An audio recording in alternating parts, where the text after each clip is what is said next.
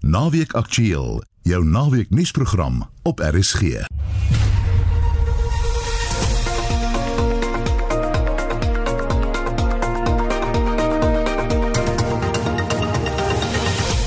Goeiemiddag. In vandag se program, 'n ekonom verduidelik hoekom brandstofpryse Woensdag so kwai styg en die impak daarvan op die verbruiker. Kan jy glo plante onthou wanneer hulle deur 'n droogte tydperk gegaan het? En in ons weeklikse motorrubriek word 'n luisteraarsbrief beantwoord. As dit dan sal uitkom dat daar wel met daai kalibrasie gekrap is en dat hy nie korrek is nie, dan kan daai eienaar van daai brandstofstasie onmiddellik verbied word om enige brandstof te verkoop. En Pieter van der Berg sit gereed met die naweek se sport. Welkom by Naweek Aktueel, die span vandag Wessel Pretorius, Lewona Bekes en ek is Marieta Kreer. Smaar verkeersvolumes het gister en eergister op die hoofroetes voorgekom, soos mense na hulle bestemmings vir die Paasnaweek gereis het. Ons praat nou met die operasionele bestuurder van die N3 tolkonsessie op die roete tussen Gauteng en KwaZulu-Natal, Tanya Dugra. Good afternoon Tanya. Hi, good afternoon, Maria. How are I'm you? sure this is a very busy weekend for you. yes, it definitely has been one so far. Talking about busy, how busy was the N3? Over the past two days, extremely busy. We had really high traffic volumes reaching peaks of about 1,800 vehicles an hour hmm. heading southbound towards the coast. But that tapered off yesterday afternoon around 3, 4 o'clock, mm-hmm. and it's been quiet since then. Any serious accidents? No, fortunately, there have been no serious incidents on the route this weekend so far. And I take it that the traffic is very calm today. Very, very calm. I'm glad everybody seems to be driving responsibly and it's business as usual on the N3 toll route. That's fantastic to hear. Air ambulances are stationed at your bases on the N3 in case of emergency. Am I correct? Yes, that is correct. As part of our route incident management system, in terms of capacity planning, all the emergency services are stationed along the route at strategic locations, and that mm. includes some of the air ambulances. As quiet as it is today, you must be expecting a very busy Monday because then all those people traveling over two days to their destinations will come back on the same day. That's true. We're expecting that the traffic volumes on the N3 are going to be extremely high on Monday. Um, you know, the exact time is a little bit difficult to, to say, but our forecast is that it should start getting busy from around 6 o'clock in the morning. And yes, we're expecting that to continue for most of the day. As you say, as everybody tries and ends their holiday at the same time and returns to work. I hope it goes well Tanya. Thank you very much. Dit was die operasionele bestuurder van die N3 tolkonsessie Tanya Dugra. Ons praat nou ook met die Wes-Kaapse kommunikasiehoof van vervoer en openbare werke Jandrey Bakker. Hallo Jandrey. Hallo Marieta. Hoe erg was die verkeersvolumes gister en eergister daar by julle? Ooh, Marieta, dit was verskriklik besig, maar dit lyk darm of die verkeersvolumes na daai twee uiters besige daalpospaaie tot jou gewone naweek vlakke teruggesak het sedert 6uur gisteraand. Ehm um, terwyl die hoofroetes dis nou die R27 en 7 en 1 en 2 mm. nou meer standaard hoeveelhede verkeer dra, is daar nou baie druk om strande en areas van ontspanning. So as ons na volume self kyk, ons kyk na die Huguenot Tolplaza oor die afgelope 24 uur kyk ons na 23412 voertuie. Joe. Dis so tussen 1700 en 1900 voertuie. En as ons dan nou kyk na ons gemiddelde snelheid oor afstand persele of ons ASOD persele van 1 April tot 11 uur vanoggend het ons 196372 voertuie gehad wat deur hierdie punte beweeg het. Ehm um, wat ons bietjie bekommer is die hoeveelheid mense wat tydens die aandkloktydperk ry. As ons kyk na goeie Vrydagoggend en vanoggend tydens die aandkloktyd het 16476 voertuie tydens daai tydperk gery en dit sluit nou jou stedelike gebiede uit. So ons herinner net mense dat daai aandklokreël steeds in plek is en ons gaan nie huiwer om jou te stop, jou boete te gee en te laat wag tot daai aandkloktydperk verstryk het nie. Herinner ons asseblief Jandrey, hy is van 12uur tot 4uur. Dis nou net uit daai. So hierdie is die Okay. ouens wat tussen middernag en 4:00 die oggend gery het. Ons herinner ook mense dat jou ehm um, in Engels praat ons van essential workers, mm. so jou ehm um, noodwerkers, hulle mag tydens daai periode ry, sowel as openbare vervoer wat hulle reis betyds ehm um, begin het. Mm. Mag tydens daai tydperk ry. So ons gaan nie hulle soos ons sê grief gee nie. Ehm um, maar die maar die ouens wat die wat die reëls 'n bietjie ehm um, wil buig vir, vir hulle gaan ons van ons gaan ons vasvat. Jandrey, is daar enige ernstige botsings gewees daar by julle in die provinsie? Wie ehm um, gelukkig nog nie wat ons as ernstig noem nie, maar wat vir ons bekommer is dat daar byvoorbeeld 'n uh, tref en trap voorvalle is, soos die een gisteraand op die N2 by Nieuwweg. Twee mans is doodgery en ons vra dit asseblief voetgangers, weet, sigbare klere moet dra, slegs 'n pad oorsteek waar dit veilig en wettig is om dit te doen. Ehm um, en dan ook vir motoriste om op die uitkyk te wees. En dan 'n vanoggend op die N1 by Brackenfell Boulevard in die rigting van Kaapstad was drie voertuie in 'n in 'n botsing kort voor 4 betrokke weer eens tydens daai ja. aandkloktydperk. Twee mense is dood, vier is beseer, twee ernstig. Ehm um, en een van die ouens wat betrokke was daar is in hegtenis geneem vir bestuur onder die invloed. So dit dit dit maak ons bekommerd eh, verligte daar nie groot gevalle was nie, maar elke padsterfte is een te veel vir ons in die provinsie. Ek moet jou sê ek kan hoor jy lê baie klem op voetgangers. Is dit nog 'n kwessie? Absoluut, absoluut. Ehm um, dit is in die Weskaap veral veral in jou landelike gebiede een van die ehm um, soos ons in Engels sê die modes of transport wat die meeste mense gebruik. Mm. Nie net omdat hulle nie geld het vir vervoer nie, maar baie keer omdat daar nie vervoernetwerke is um, in hulle area nie. So hulle moet stap tot op 'n sekere punt en dit mm. is baie keer nou in die aandtyd of wanneer dit nog jy weet draak nou later lig en vroeër donker. Ehm um, so die ouens en ons mis in party areas en reën hier in die Kaap. So dit is net maar vir ons 'n absolute kopseer op hierdie stadium as ons gaan kyk na sterfte syfers, syfers. In sekere areas is dit tot tussen 70 en 80% van padverwante sterftes is voetgangers. Oor die algemeen in die provinsie tussen 50 en 60% van ons padsterftes. Ek aanvaar jy verwag 'n baie besige maandag. Oh, verskriklik nie. Ek dink ek gaan maar 'n middagslaapie een of ander tyd moet inkry. Ehm um, want soos ons gesê het vroeër, wanneer so 'n lang naweek nie saam met 'n skoolvakansie val nie, mm -hmm. dan rek die ouens om tot op die laaste uit. So maandag verwag ons redelike druk verkeer as ons na ons modelle kyk. So hier tussen van 10:00 af behoort die verkeer op te tel en dan gaan hy reg deur ehm um, tot middernag toe vir ons ons hande vol gee. Ja. Jan Rey, Het jy raad vir motoriste wat maandag terugkeer huis toe? Jy weet tipiese goeters wat jy agterkom as daar vreeslike verkeer is.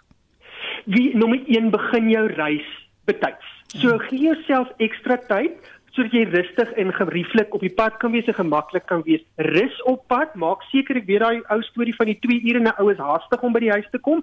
Stop, maak daai hele reis deel van jou vakansietydperk.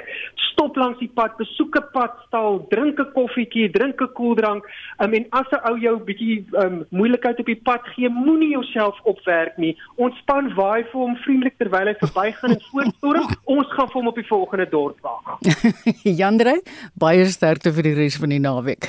Dit was die Wes-Kaapse kommunikasiehoof van vervoer en openbare werke, Jandrey Bakker. Nou ons bly by paaye en voertuie. Brandstofpryse gaan Woensdag skerp styg. Die prys van 95 oktaan petrol sal met R1 per liter styg en 93 oktaan petrol met 95 sent per liter. Diesel sal met tussen 63 en 65 sent per liter styg. Ons praat nou met die ekonom Ulrich Juber. Hallo Ulrich. Goeiedag Marita. My raad aan motoriste sou wees sodra hulle by die huis aankom, maak jou tank vol brandstof. Ja, ek het vanmôre vir 'n klomp van my pelle ook gesê, hoor ons moet sommer hierdie naweek volmaak. Ja, nee regtig. ja, maar jy wil dit dan ook reg tot jou tank amper dol leeg ja, ja. dan weer volmaak.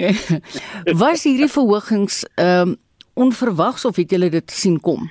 Uh eintlik moet ek jou sê dat op 'n stadium met ek dink dat daai verhoging gaan meer wees as dit want die onderverhaling die gemiddelde onderverhaling was op 'n stadium meer as 90 sent per liter en dan moet jy die 27 sent bytel wat nou die uh, brandstofheffing wat bykom om vir die padongelukke fonds en die brandstofheffing te betaal. Uh so dit sou 'n verhoging gegee het van hier by 1.10 sent rond. So wat die wat die petrolprys aan betref het ek eintlik verwag dit kon hoër wees. Gelukkig het die uh olieprys wat op 'n stadium by uh, ja op 'n dag het hy oor 70 dollar 'n ja. vat gaan ja. gaan draai. Uh maar gelukkig nou weer afgekom nou hy was nou Vrydag so by 64 dollar rond. Dit is tog goed. Maar ek skiet dan nie Vrydag was Donderdag. Uh, ja. Donderdag was ons eintlik Vrydag. Mm.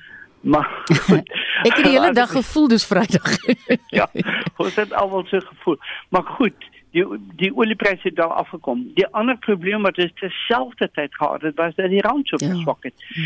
En ons het gaan draai op meer as 15 rand 50 'n uh, dollar. Ja. So daar was twee goed wat eintlik hier 'n rol gespeel het en gelukkig die rand nou aansienlik sterker hier by 14.64 rond die olieprys by 64 dollar amper so 65 dollar Maar goed, daar is 'n klompie goeders wat natuurlik mense uh vir jou sê jy moet maar versigtig wees. Hierdie brandstofprys kan nog met ons 'n uh, pad loop as is as die ouens nie versigtig is as hulle daar deur die Suezkanaal met hulle bootjies gaan nie. Mm en die goed steek vas dan sê almal o gits jy weet waar kom die olie nou vandaan want dit kan nie deur die Suezkanaal kom nie. Mm.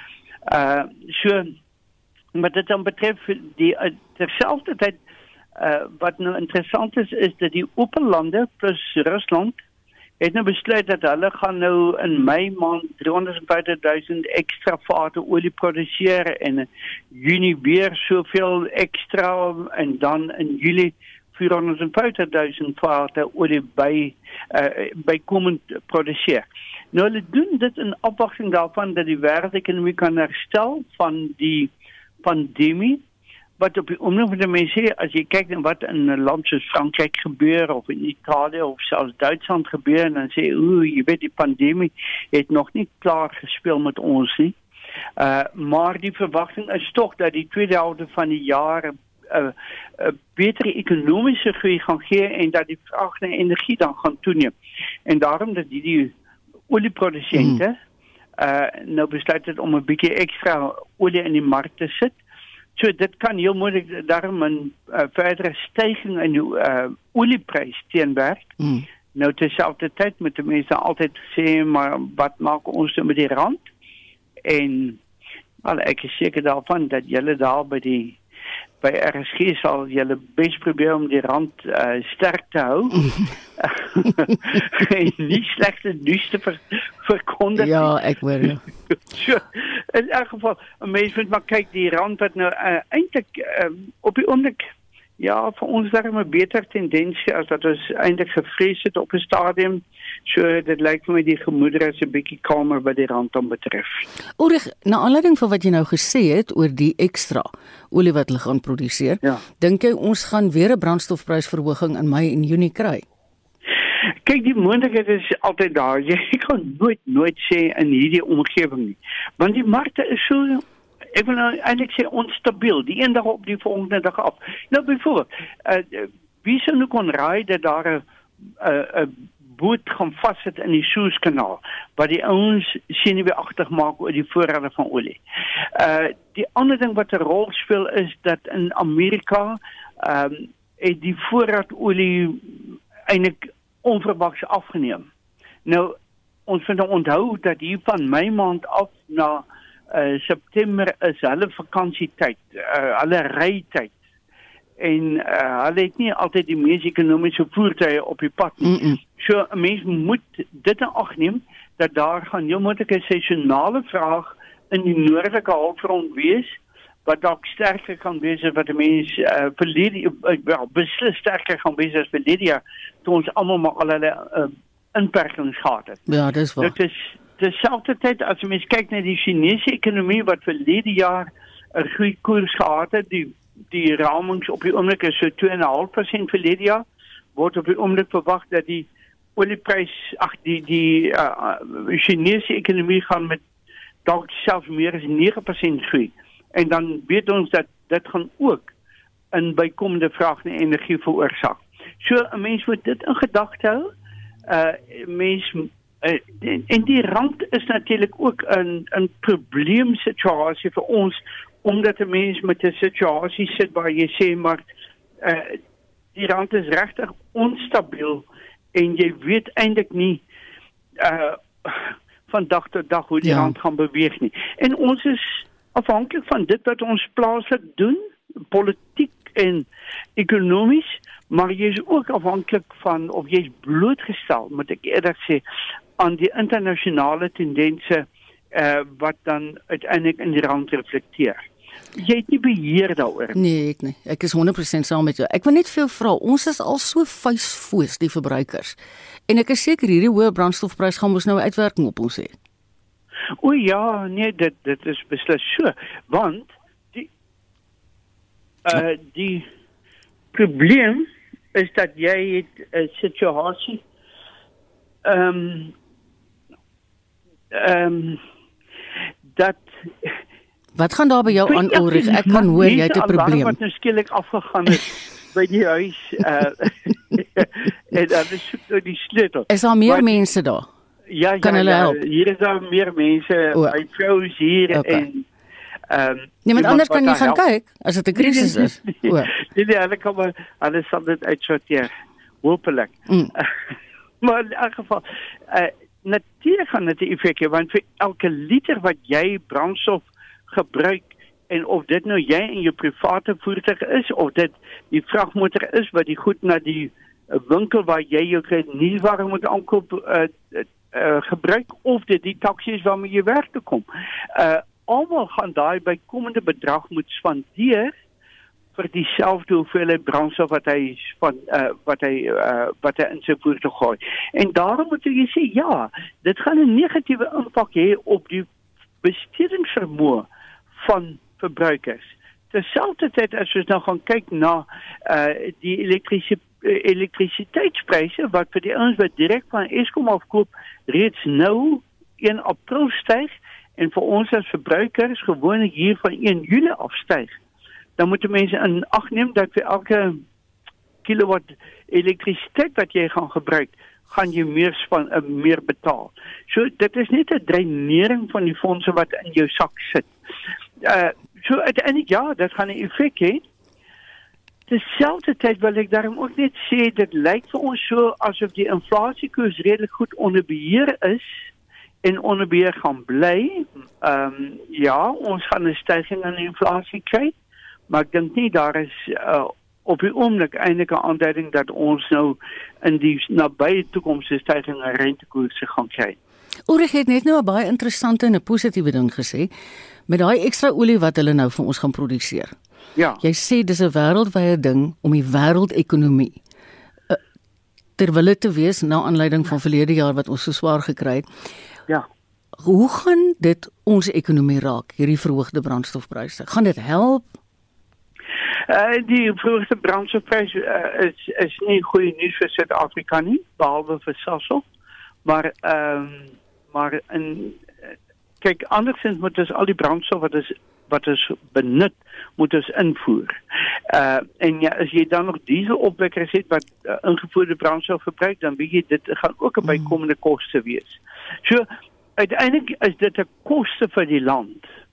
Uh maar aan die ander kant as jy sê maar hier is 'n groei in die wêreldekonomie aan die gang, dan sê o, oh, maar Suid-Afrika wat eintlik baie afhanklik is van die kommoditeitsuitvoere behoort voordeel te kry mm. uit daardie herstel van die wêreldekonomie. Die ander ding wat ons ook waarneem is byvoorbeeld ons het nou gehoor van motoruitvoere wat weer redelik aan die gang is. As die wêreldekonomie aan die gang is, dan word er meer motors verkoop en ons in Suid-Afrika gaan dan heel motor meer motorvoertuie uitvoer. So wat mense uh, as jy na baie van hierdie goed kyk dan sê jy maar hier is tog positiewe tendense in die wêreldekonomie wat vir ons in Suid-Afrika tot voordeel gaan wees. En ja, die feit dat die olieproduserende lande daai olieproduksie gaan verhoog sê vir ons ja, dit is 'n algemene verwagting wat in die wêreld aan die gang is.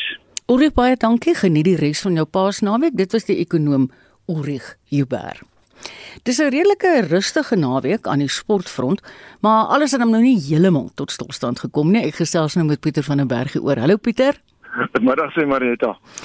Gister en vandag se rugby is nou op die buiteland gefokus, maar daar's wel môre wedstryde in hier by ons, né? Nee?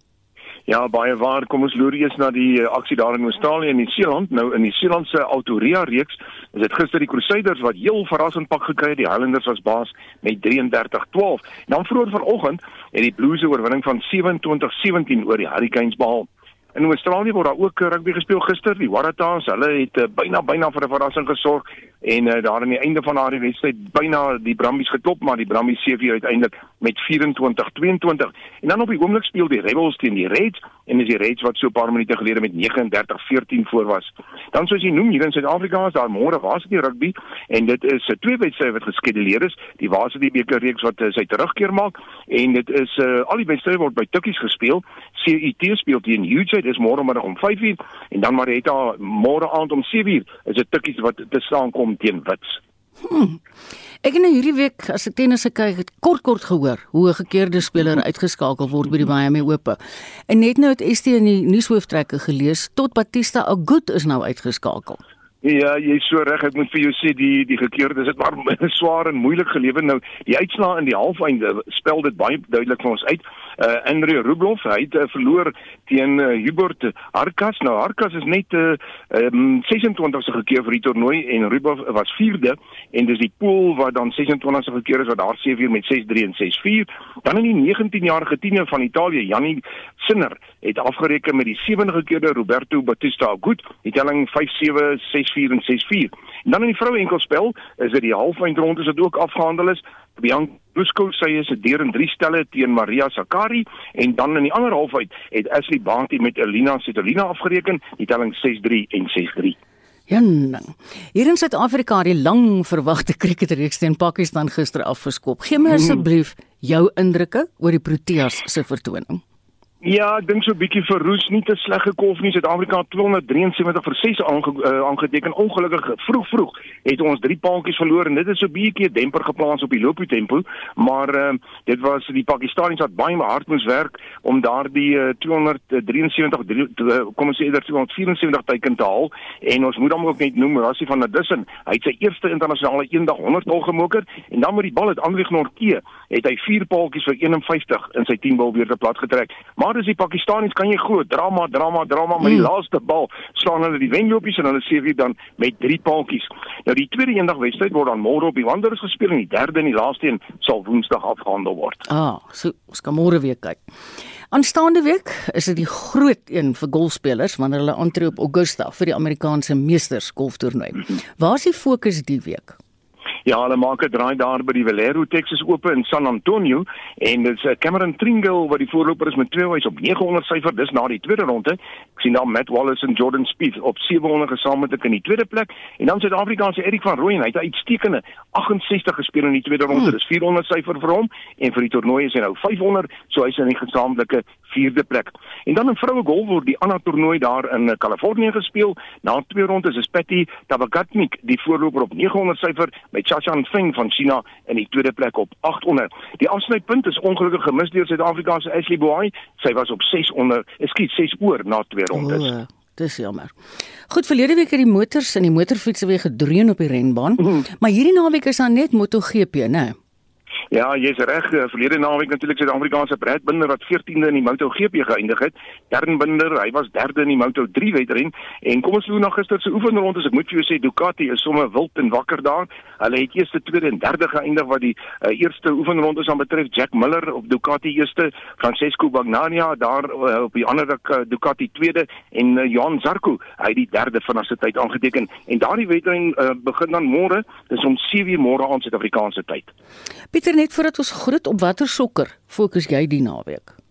Ja, ek dink ons moet maar loer na die Engelse Premier League vanmiddag vier wedstryde, Chelsea teen Bromwich Albion, dan uh, Leeds United teen Sheffield United, Leicester City vanaand om 07:30 teen Man City en dan in Liverpool, hulle speel weg vanaand om 9:00 teen Arsenal.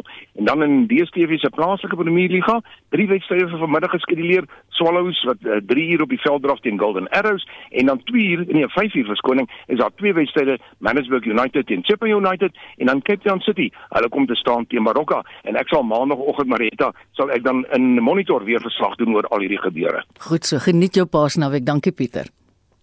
Dis Pieter van der Berg van RSG Sport. 'n Suid-Afrikaanse inisiatief om restaurante en toerisme ruimtes te sertifiseer wat aan COVID-19 regulasies voldoen en behoorlike ventilering het, is in Umhlanga, noord van Durban begin. Die groen vlag sertifisering is voor die Paasnaweek van stapel gestuur met die oog op die baie besoekers by al die toerismeplekke en ook gasvryheidsondernemings. Die groen vlag dryf is 'n internasionale samewerkingspoging om raad te verskaf en die oordrag van patogene wat in die lug oorgedra word in openbare ruimtes, ook COVID-19 te verminder. Dis soortgelyk aan die blou vlag status wat aan strande toegeken word wat sertifiseer dat dit aan sekere standaarde van skoonheid, veiligheid en watergehalte voldoen. Groenvlag sertifikasie sal aan restaurante en toeriste ruimtes toegeken word wat behoorlike oop lugventilering en 'n gesonde sosiale afstandshoudingsatmosfeer vir hulle kliënte kan handhaaf. Groenvlag sertifikasie kommunikeer aan kliënte en owerhede dat alle behoorlike COVID-19 protokolle gehandhaaf word by die plek, veral as dit kom by die sirkulasie van lug. Die Groenvlag hoofinspekteur Keegan Serrano sê dit help om kliënte gemoedsrus te gee. If you have high concentrations of carbon dioxide in your public space, you know that the ventilation is not sufficient to remove it from the public space. And with increased carbon dioxide, that is an indicator and a direct correlation that there is a likelihood for COVID to spread. Any airborne disease like tuberculosis or any of the SARS variants. Serrano sê die groenvlag sertifikasie kan help om die totale inperking van sake sektore te voorkom. We want to get buy-in from as many restaurants and public spaces as possible. The benefit of Green Flag is actually increasing the reputation of your business as being a safe place. To the international tourism market, if somebody from UK or a family comes through and they see a restaurant that's Green Flag certified, they're more likely to go to that place because the ventilation is better and the risk of obtaining COVID is lower. So we want to get buy-in from as many restaurants and businesses to get the green flag certification at a minimal cost, uh, increase their reputation amongst consumers. Hy sê daar is prosedures om die sirkulasie van lug in 'n onderneming te toets. So the green flag inspectors are all armed with a carbon dioxide meter. So they go out to the public space, be it a gym, be it a restaurant, and take measurements in the most populated areas. We generally try and get the place at its busiest to get a worst case scenario. So if the place passes at a worst case scenario, it's going to pass when it's empty. So they take this instrument and looking at international guidelines, we use 800 as a safe limit. So if we do 800 ppm, if we detect levels above 800 ppm, then we as the inspectors have to implement some sort of recommendation. Butcher Boys restaurant in Umhlanga is die eerste restaurant om die groen vlag sertifikasie hier te kry. Die mede-eienaar van die restaurant, Shane Groove, sê hulle probeer om ten alle koste dit vir hulle kliënte veilig te maak. Die ruimte kan in 'n pandemievrye tyd sowat 240 mense neem, maar word toegelaat om ingevolge die COVID-19 regulasies slegs 100 mense te ontvang. Front by our door there, we have a sanitizing station for guests upon arrival to sanitize. Then we have our down plan system, which we take the guests' details, so name, surname, ID number and a temperature. Then we take them through to their table, which will be sanitized, chairs, table, everything gets sanitized. Every table in the restaurant also has a sanitizing bottle on the table. I've got four different sanitizing stations throughout my restaurant, so the customers can obviously sanitize whenever they feel like it. I've got this uh, beautiful setup here with all my windows always open throughout the day, throughout the night. Van Nelle Mlongo het hierdie verslag in Durban saamgestel met Sif van der Merwe SAK nuus. In sy weeklikse motorrubriek bespreek Wessel Pretorius 'n luisteraarsbrief.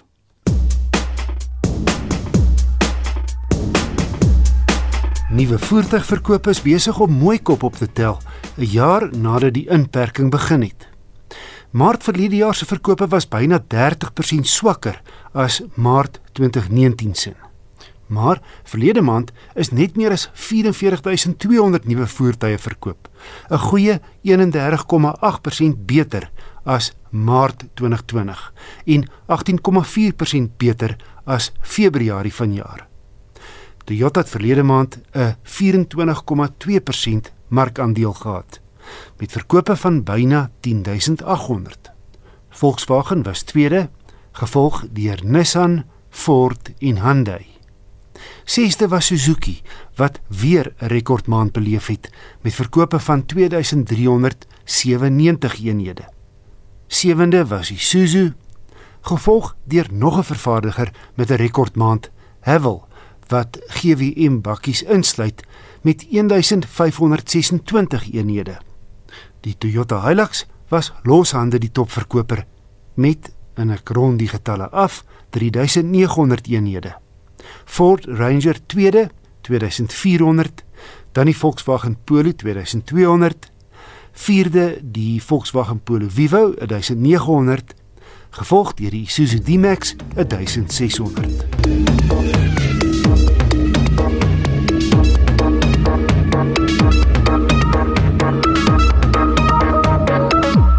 'n luisteraar wat verkies dat sy naam nie genoem word nie, skryf hy baie en merk al hoe meer op dat volstasie se pompe nie reg gekalibreer is nie. Hy skryf dat dit nou al 'n paar keer gebeur het dat sy Ford EcoSport se tripmeter wys dat hy nog 100 km kan ry en dat daar dus nog so 5 liter in die tank behoort te wees. Maar dat byna 45 liter met die volmaakslag ingegooi word terwyl die tank juis 45 liter hou. Hy vra ook hoeveel brandstof tussen die tank en die volprop inpas. Ek het sy brief aangestuur na Nicolou. Hy is 'n tegniese konsultant en die besigheidsontwikkelingsbestuurder by SVU Gepantserde Voertuie. Goed Wessel, ja, ons weet in die tyd waar brandstof so duur raak, moet 'n mens nou definitief seker maak dat jy nie uitgekroek word by die pompe nie. So kom ons kyk net gou 'n bietjie na hierdie vraag van die luisteraar. So hy sê hy ry 'n EcoSport en uh, as hy sien die ryafstand is 100 km ver, dan gaan maak hy hom vol by verskillende brandstofstasies en dan sien hy partykeer gooi hy 45 liter in en partykeer gooi hy 2 liter meer in of 2 liter minder in en hy wil nou weet wat gaan hierso aan. So daar's 'n paar kwessies wat hier bespreek moet word. Die eerste een is natuurlik daai ehm um, berekening wat vir jou sê hoe ver jy nog op die motor kan ry of op die brandstof in die tank kan ry. Daai berekening word natuurlik gedoen op jou laaste bestuurstyl van die voertuig. So sien nou maar jou laaste 5 of 10 km kyk hy na jou bestuurstyl en dan moet hy bepaal hoe ver jy nog gaan kan ry. So as jy nou gejaag het uh, wanneer daai 100 km totdat die tank nou leeg is verskyn op die instrumentpaneel, dan gaan teen teen meer brandstof in die tank oor as wat jy nou teen 'n afdraande gery het al die pad en nou kom daar 100 km tot die tank leeg is op die instrumentpaneel. Ons gaan teen teen minder brandstof in die tank. So daar's klare veranderlike.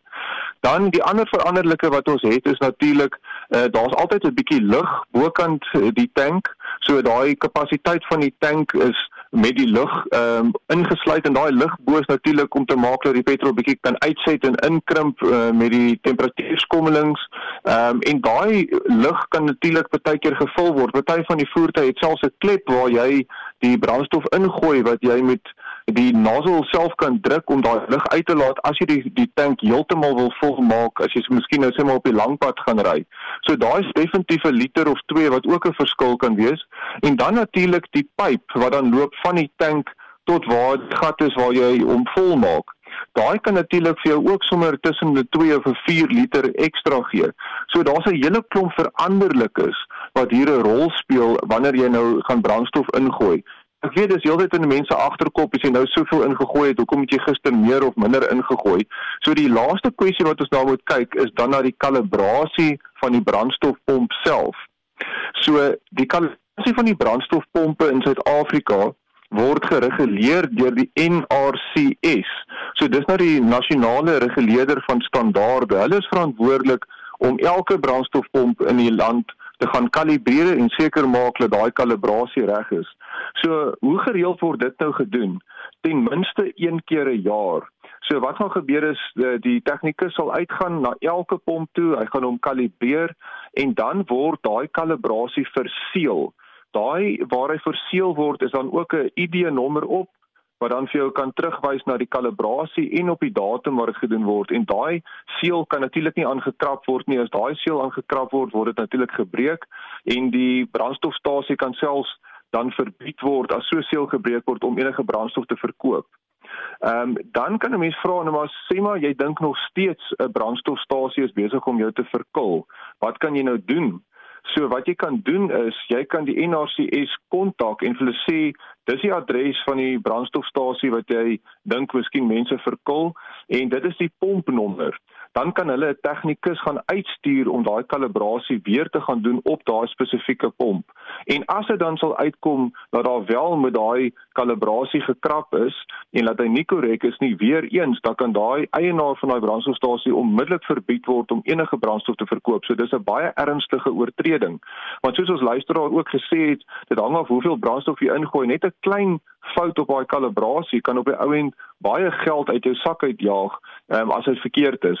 So ja, in die meeste gevalle moet ek sê is die kalibrasies op die pompe is oral korrek, maar soos ek sê as jy voel daar is een wat vir jou heeltemal uitgelyk het, dan kan jy hulle aangee by die NRCS, maar soos ek gesê het, onthou net daar is heelwat veranderlikes as dit kom met die brandstof ingooi in jou tank.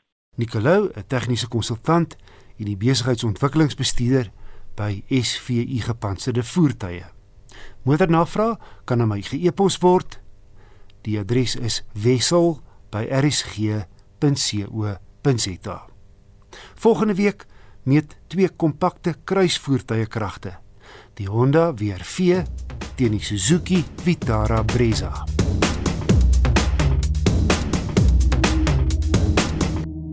En Wesley is ook vandag ons redakteur van die program. Hier kom 'n baie interessante bydrae. Wetenskaplikes van die Julius Maximilian Universiteit in Duitsland en die Universiteit van Adelaide in Australië het bevind dat plante as ware onthou wanneer hulle deur 'n droogteperiode gegaan het. Plante kan dan water stoor wanneer hulle droogte ervaar. Ons het 'n plantkundige en 'n doktorale student aan die Universiteit Stellenbosch, Brian De Pre gevra om na die studie te kyk en ons gaan nou met Brian hieroor praat. Goeiemôre Brian. Goeiemôre, uh, goeiemôre Mariette en al die luisteraars. Hoe weet plante wanneer hulle in 'n droogteperiode ingaan? Kyk, uh, laat ek eers 'n bietjie konteks hier stel. Uh 'n droogte is 'n verlengde tydperk van ondergemiddelde reënval wat uh, abnormale waterstres in plante veroorsaak. Uh dis anders as areas wat droog is van natuur waar plante in hulle aangepas is vir droogtes. Um en een van die metodes wat plante gebruik om om water te reguleer uh wanneer hulle groei is in hulle metode van fotosintese. Uh so daar's drie verskillende metodes. Uh die eerste is is die C3 metode. Um waar plante meestal in 'n koel en nat gebiede ehm um, fotosinteer deur die dag en respireer in die aand en slegs kan fotosinteer wanneer hulle huidmondjies oop is. En die huidmondjies gaan belangrik wees bietjie later. Ehm um, in 'n landboukonteks uh baie van ons gewasse uh is C3 plante. Uh byvoorbeeld koring, uh rog, rys en sonneblom. Ehm um, C4 plante is meer aangepas aan droogte. Ehm um, maar baie minder van hulle is is gewasse. Um en boonbehalwe anatomiese verskille, um kan hulle bietjie meer droogte uh kan hanteer. Um maar om nou terug by die vraag te kom, um 'n droogte kom geleidelik aan. So die, die plante se stres neem toenemend stadig maar toenemend toe. Um en dit kom basies af as as die plant meer water verloor uh, as wat hy van die grond kan opneem dan ervaar hy waterstres. Vertel ons 'n bietjie meer van die molekules wat plante gebruik om 'n droogte tydperk sogenaamd te onthou. So uh die molekules, uh, ek verwys daarna as as GABA want ek gaan nie die hele naam uitspreek nie, maar GABA is basies 'n 'n nie-proteïene aminosuur wat toenemend in die blare vermeerder uh hoe meer waterstres die plante ervaar. Uh die studie deur professor Hedrich het bevind dat die hoeveelheid GABA in die blare beïnvloed hoe groot die huidmondjies oopmaak. Ehm um, so so wanneer die huidmondjies kleiner word, ehm uh, verloor die plant minder water, maar hy kan ook nie baie doeltreffend fotosinteer nie. Maar ons weet plante het nou nie breine nie. So um, ek dink wat hy beteken met geheue is die konsentrasie GABA ehm uh, bepaal die die grootte van die huidmondjies opening vir die volgende dag want die die konsentrasie van hierdie molekules neem nie af in die aand nie. So hy bly konstant uh van die vo vorige dag en dan bepaal hoe hmm. groot die uitmondjie oop moet wees in die volgende dag. Dis hom slim. Mense en diere het ook hierdie molekules, né? Dis reg ja. Maar in in diere word dit meer gebruik in ons senuweestelsel. Ehm um, maar ja, ehm um, Hoe het plante dit ontwikkel, Brian? Kyk, uh dis moeilik om te sê, maar uh van wat ek kan dink is dat uh die uh wel hierdie aminosure uh word gekodeer in die DNA van van al hulle lewende wesens. So dis heel moontlik dat hierdie molekules se kodering in in almal se DNA, so plante en diere en mense uh bestaan en dis nou net 'n kwessie van hoeveel van hierdie ehm uh, molekules gemaak word ehm um, en hoe belangrik dit is ehm uh, verskil van spesies tot spesies. Hoe dink jy kan hierdie bevinding van hulle ons help om plante se oorlewingsmetodes beter te verstaan? So hierdie ontdekking bring nogal 'n nuwe kompleksiteit aan aan ons verstand van van waterstres in plante. Uh die B tipe fotosintese wat ek vroeër genoem het, uh plus die maniere van hoe plante water berg uh of ondergronds tydens en droogte uh berg. Uh was tot nou toe hoe ons verstaan het hoe plante droogtes oorleef. Ehm um, wat nou volgende voorlê is om te bepaal tot watter mate ehm um, uit verskillende plante families uh en uit verskillende dele van die wêreld in verskillende klimate hierdie bioregulerende molekules teenwoordig is in uh in watter hoeveelheid. Mm. Ehm um, oor die algemeen word daar verwag dat die dat die plante onder erge waterstres eerder water sou bespaar uh deur minimaal te fotosinteer hulle huidmandjies uh klein toe te hou. Mm. Um en dan basies net wag vir reënval. Um so daar lê beslis nog baie navorsing oor in hierdie veld. Ja, ek ek glo wat jy nou daar sê want hierdie professor Rainer Hedrich van die Julius Maximilian Universiteit sê hy bestudeer plante al 35 jaar lank en hy het nou eers die nuwe waterbesparingsmetode ontdek. So dink jy daar's nog baie geheim in die natuur wat ons nog moet ontsyfer? O, kyk, die, die natuur is, is wonderlik en kompleks en daar's altyd ruimte vir vir nuwe ontdekkings. Um ek self wat in plant taksonomie werk, uh bly verstom net oor die hoeveelheid nuwe spesies wat elke jaar uh in Suid-Afrika of wêreldwyd ontdek word. Um in die omgewing van 2000 spesies per jaar wêreldwyd. Um en nou nog 'n voorbeeld uit, uit Stellenbosch uh, van my kollegas het nou 'n paar jaar gelede uh stikstofbindende bakterieë in die staat van siering uh plantjies ontdek. Um wat in in self ongelooflik was. Uh so die die wêreld natuur wag vir ons om om nog ontdekkings te maak. Ons moet net die seker maak ons beskerm die natuur soos hy nou is. Uh en dan om gaan verken. Baie dankie vir jou inset. Wanneer maak jy klaar met jou doktorale studie? Kyk, uh, hy hang 'n bietjie van COVID af, maar hopelik teen die einde van volgende jaar. Baie sterkte Brian en dankie vir jou inset. Dis Brian De Pre. Hy's 'n plantkundige aan die Universiteit Stellenbosch.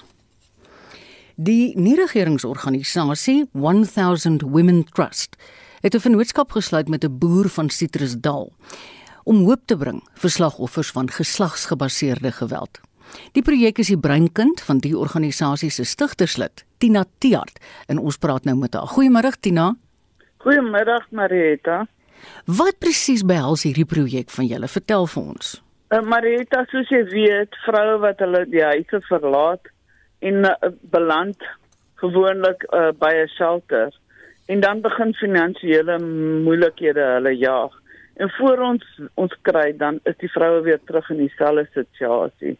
So ekonomiese bemagtiging is baie baie baie belangrik.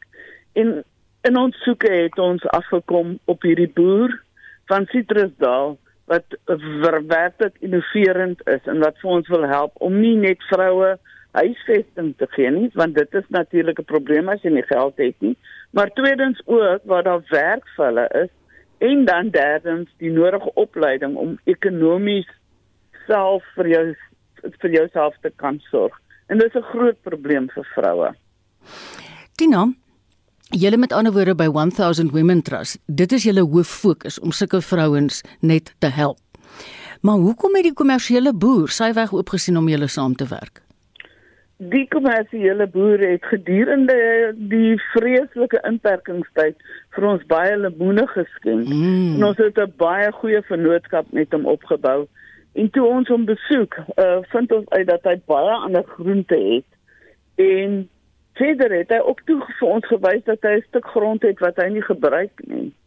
En Marita, ek weet nie of jy weet nie, maar daar's net een fasiliteit in Suid-Afrika wat 'n tweede 'n behuisingsskema vir vroue is in die land. Met ander woorde, as jy uit daardie safe house by shelter uitkom, dan en jy het nie geld nie, dan mm. kan jy nie 'n plek huur nie en ons weet hoe lyk behuising in hierdie land. Verder het hy ook baie werk vir vroue ehm um, ons kyk na voedselverwerkingsskema want hy's 'n uitvoerder in baie produkte val af op hierdie plase en kan verwerk word en ons kan ook vir vroue help om hulle eie besighede te begin om fondse in te samel en dan ook so hulle selfvertroue op te bou en weer terug te gaan in die samelewing waar hulle vir hulle self kan sorg. Julle gaan nou tweede fase behuising bou op hierdie stuk grond van die boer waar die vroue en hulle kinders kan woon. Hoe belangrik is dit dat hierdie vroue heeltemal uit hulle omstandighede verwyder word? Is in Marietta baie baie uh kere verval hierdie vroue terug en hulle bly weer by dieselfde familie. Hmm. En dan begin dieselfde probleem weer oor en oor. En dan is dit nou tweede graadse trauma ook. So die hele heling is mm. is, is van baie langer. Ja. En ons het byvoorbeeld gedink om veral te kyk na vroue op die N7. Ek weet nie of jy weet nie, maar ehm um, uh mensenhandel is ook groot. Daar gaan 70 trokke 'n dag daar verby. Uh en hulle laai vroue oral af wat wat wat hulle opgetel het. En so dit die probleem op die N7 is baie groot. Daar's ook net 3 soeke uh senters op die Weskus wat hierdie vroue help. En dan dink jy aan 'n plek hierdie hierdie plaas is tussen Graafwater en en ehm um, Citrusdal. Mm. Daar is die mense baie arm, daar is nie werk nie. Daar's baie vroue wat ook net daar sit wat ek ek eintlik nie uit die situasie kan beweeg nie. Ja. Ja. So so ons wil baie graag hierdie sente so gou as moontlik opsit. Dit gaan heeltemal eksperimenteel wees. Maar die boer van Namakwa boerdery, hy is so innoverend. So ons het ook saam gekyk om ehm um, ehm um, alternatiewe energie op te sit want die Weskaap kyk mos nou na sonkrag. Ja. En en dit kan weer betaal vir die opleiding, kan behaal, betaal vir die vroue om hierdie voedsel te verwerk sodat hulle dan dit ook op die mark kan instoot. So ons is baie opgewonde en ons weet ons kan dit nie alleen doen nie en hierdie boer was so fantasties, maar ek is seker daar is ander maatskappye en boere wat ook graag ja. so projek wil. Tina, wat is sy naam asseblief? sy naam uh, hy is meneer Bason. Hy hmm. en, ja ja, hy en Ruben uh die twee uh, boere daar uh, by Namakwa boerdery. Hulle is regtig innoverend. Hulle dink heel anders. Hulle hulle idees is nie die regering stel dit voor nie. Hulle kyk anders na ja, dit. Ja. En hulle sê vir ons, "Hey, kom ons probeer op 'n ander manier om vir om vir vroue te omsluit." Um, om om dan ook dan nou ekonomies vatbare besighede te begin. Maar weet jy Tina, dis geen wonder hulle is kommersieel so suksesvol nie, maar soos jy sê hulle dink heeltemal anders. Ek lei af uit wat jy my nou als vertel het dat jy gaan definitief vir die vroue ekonomies bemagtig, maar ek hoor ook dat jy hulle waarskynlik weer hulle menswaardigheid gaan teruggee. Ja, definitief. Ons jy weet uh, ons het nou al 4000 opgelei uh, by die 1000 vroue ja. om trauma berading. En dit is natuurlik 'n baie belangrike deel van van 'n helingproses. Jy weet, ons wil ook net die vrouens moet daar kom en terugval weer die triggers, jy weet, as mm. mense om hulle uh, uh, jy weet wat geleenthede kom en die triggers kom nie. So ons moet ook dit behandel. En dan kyk ons ook na alternatiewe uh helingsmetodes, aromaterapie, goed soos dit, want dit is ook baie van die produkte wat kan ontwikkel word uit die boerde uit, die boerdery uit. Byvoorbeeld sitrusolie. Ja. Dis ongelooflik. Is jy ja, nog daar? Nee, baie moontlikhede Marita. Hierdie is patat, hierdie is mielies. O, oh, daar's baie geleenthede. Tina, dink julle julle gaan die projek volhoubaar kan hou in die toekoms? Wel, Marita, soos ek genoem het, dis hoekom ons kyk na hierdie uh, sonkrag want sonkrag uh, natuurlik is daar groot aanvraag mm. vir dit behalwe dat dit ook die vroue se projekte kan steun want voedselverwerking vat nogal heelwat krag ja. Ehm um, en jy koelkamers nodig jy weet. Behalwe mm. dat dit kan ondersteun kan dit ook van die plaaslike boere ons te klein opname gemaak hulle koop krag bymekaar so dit kan ook inkomste wees om hierdie behuising aan die gang te hou en ook natuurlik kinders moet skool toe gaan uh natuurlik moet ons ook 'n kres hê. Ons kan nie net daar op die plaas sit. Jy weet, hulle moet vervoer hê om hulle produkte te gaan aflewer. En dan wil jy graag die vrouens met 'n klein besigheid wat al bietjie befonds is terugsit in die gemeenskap.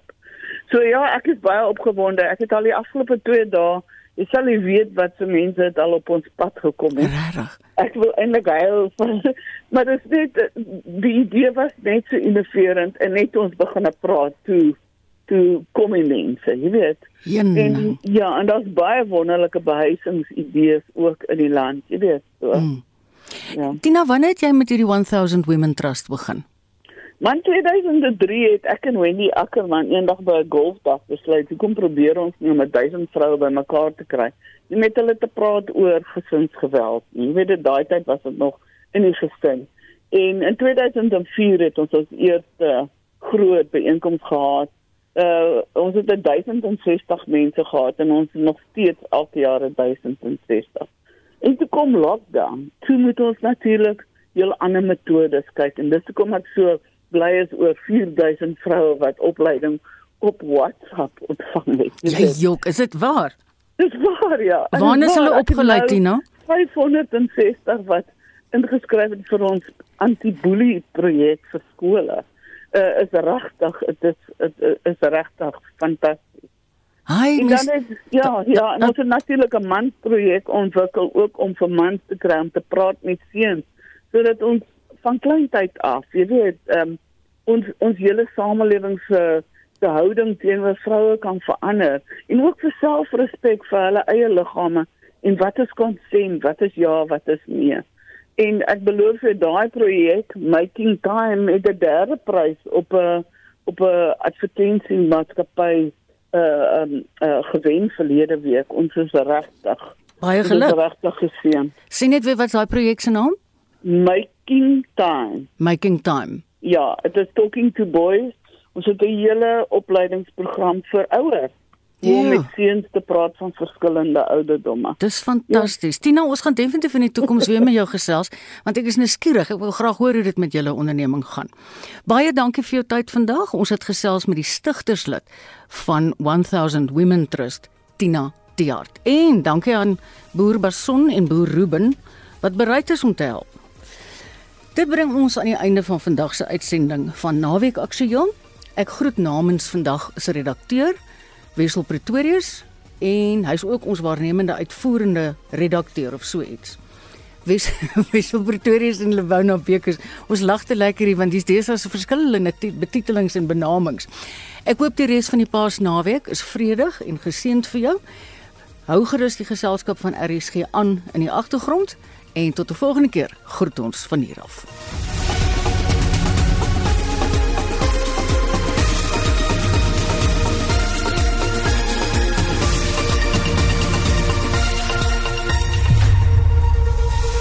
SAK nuus. Onafhanklik, onpartydig.